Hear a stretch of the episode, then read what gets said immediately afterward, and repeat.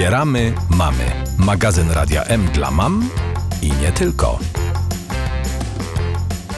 Drodzy Państwo, a teraz w naszej audycji będzie o górze lodowej i pewnie się Państwo zastanawiają, czy co to zmieniliśmy profil audycji. No nie, y, po prostu chodzi o pewną przenośnię, którą rozwinie nam pan Dawid Tomaszewski ze Szkoły Nowej Mowy, który od kilku tygodni stara się uwrażliwić rodziców y, przede wszystkim na to, skąd biorą się różnego rodzaju problemy z komunikacją wśród młodych osób Góra lodowa, jaki ma związek z tym, o czym przed chwilą powiedziałam, panie Dawidzie? Dzień dobry wszystkim słuchaczom. Witamy ponownie w naszej audycji.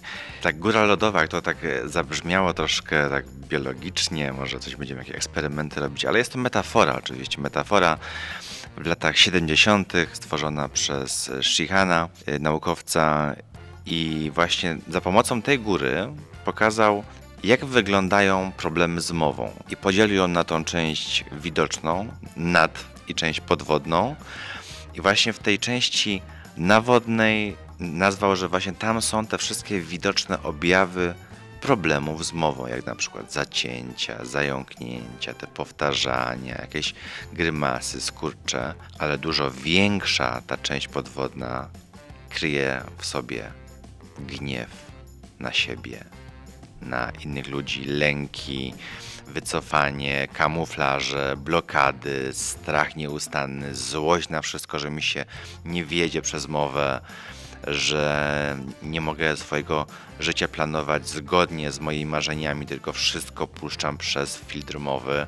No, wydaje się to trafne, że ta góra pokazuje te proporcje, aczkolwiek no, ona jakby nie daje drogowskazu nazywa tego, tak to jest, ale co z tą górą zrobić, żeby ją na przykład stopić, no tego wtedy Shihan nie wymyślił. No tak, ale tak rysując obraz, to muszę przyznać, że od razu pan y, zniechęca mnie osobiście, tak, y, do pracy, bo o ile czubek lodowy jest mały, o tyle zaczynam sobie zdawać z tego sprawę, że to, co jest pod wodą, czego nie widzimy, ten cały problem jest tak duży, że może być ponad y, siły osoby, która z problemem się zmaga. Jakim Dokładnie w jakimkolwiek, bo właściwie różne problemy mają swoją górę lodową.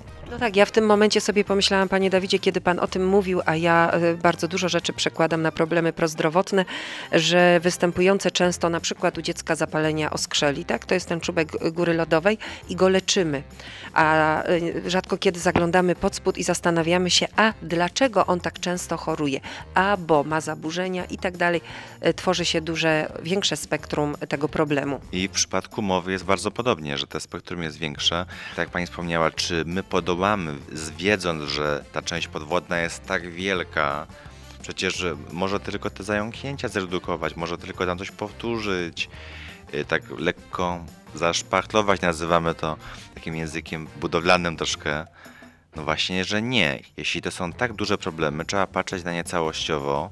Pierwsza rzecz, jeśli chodzi o bloki mowy, emocjonalne bloki mowy, taka góra jest nie do roztopienia, nie do rozburzenia tu z pomocą przychodzi właśnie nowa mowa, która zostawia tą górę, jaka sobie tam jest, nieważne, z tym wszystkim, co, co miała, i przez nową mowę tworzy się od nowa cały styl komunikacji, który już nie ma swojej góry lodowej, bo nie ma też tych widocznych objawów, jest wewnętrzny spokój z mówienia, jest y, ciągły, widoczny progres, co wzmacnia osobę, która ćwiczy, że widzi swoje postępy w treningu, wie po co to robi, wzmacnia osoby wokół, na przykład kursanta, czyli rodziców, rodzeństwo, babcie, nauczycieli, bo widzą, że coś się dzieje pozytywnego przez to, że ktoś ćwiczy mowę.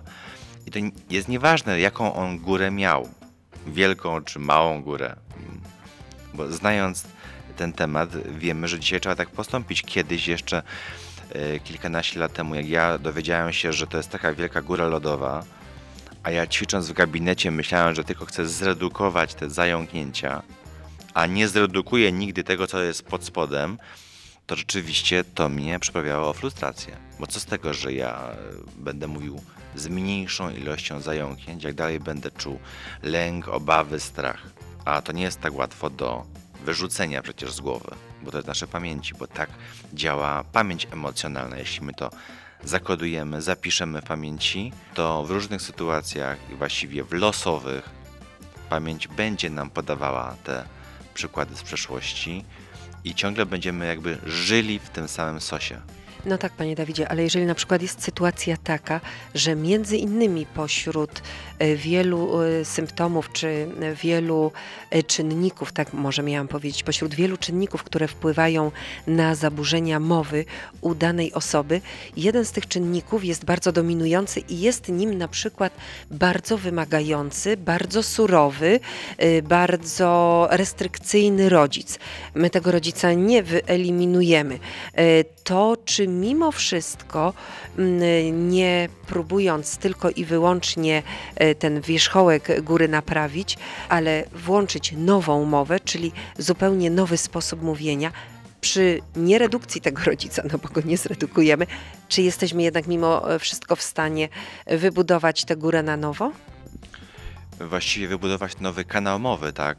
I bo góry budować nie chcemy już tej lodowej ale chcemy budować nową, nowy kanał mowy i rodzic jak najbardziej jest nam potrzebny w tej sytuacji, bo jeśli to na przykład on był odpowiedzialny za budowanie tych lęków, za tą presję w domu, bo to się też zdarza, że na przykład dzieci mają większy problem w domu, w rozmowie z rodzicami niż w szkole.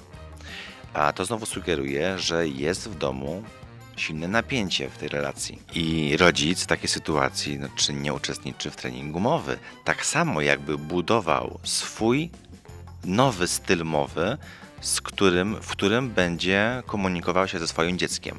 A to znowu wpłynie korzystnie na ich relację.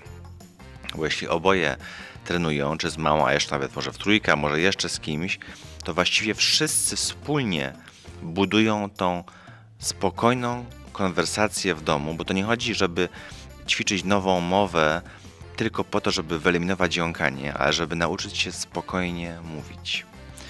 I umiejętność spokojnego mówienia, moim zdaniem, no, przydaje się szczególnie w takich domach, gdzie jest wszystko na ostrzu noża, że y, robi się aferę z tego, że żarówka się spaliła, że właściwie wszystko jest ciągle podważane, jest jakiś problem, jakaś ciągła presja i właśnie tam brakuje spokojnej mowy, spokojnej techniki mowy i jest to możliwe nawet jeśli życie osoby nie jest spokojne, bo żyjemy w niespokojnych czasach. To to wcale nie utrudnia tego, żeby mówić spokojnie, zresztą yy, jesteśmy tego przykładem i myślę, że i ja i kursanci że mając technikę nowej mowy, jesteśmy w stanie spokojnie mówić na co dzień, nawet w niespokojnych czasach. Wiele objawów emocjonalnych bloków mowy jest niewidoczne dla rodziców, niewidoczne dla nauczycieli, niewidoczne dla rówieśników i w tej naszej górze lodowej, tej metaforze, no to się znajduje oczywiście pod wodą. I to powoduje, że czasami nam się nie chce też próbować już dalej cokolwiek robić ze swoją mową, bo na przykład czujemy nieustanny gniew na to, że żeśmy spróbowali już raz i nam się nie powiodło.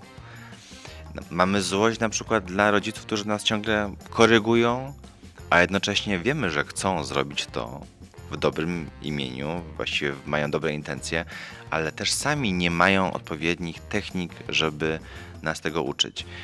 I tych wszystkich objawów niewidocznych trzeba się pozbyć tak zwanym jednym cięciem, żeby nie rozwlekać tej przeszłości, zamknąć. Było tak było w tej starej mowie, a w nowej będę wszystko budował od nowa. Nawet relacje w domu będę tworzył od nowa, jeśli nawet kiedyś nie było za dobrze. I czasem trzeba dla osób starszych udać się na przykład do swoich rodziców, gdzie może mamy jakieś negatywne wspomnienia z z jakimś tam, z jakąś krytyką.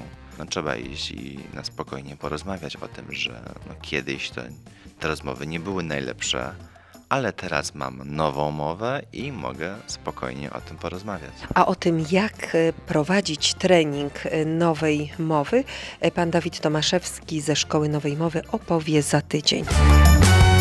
Wspieramy mamy.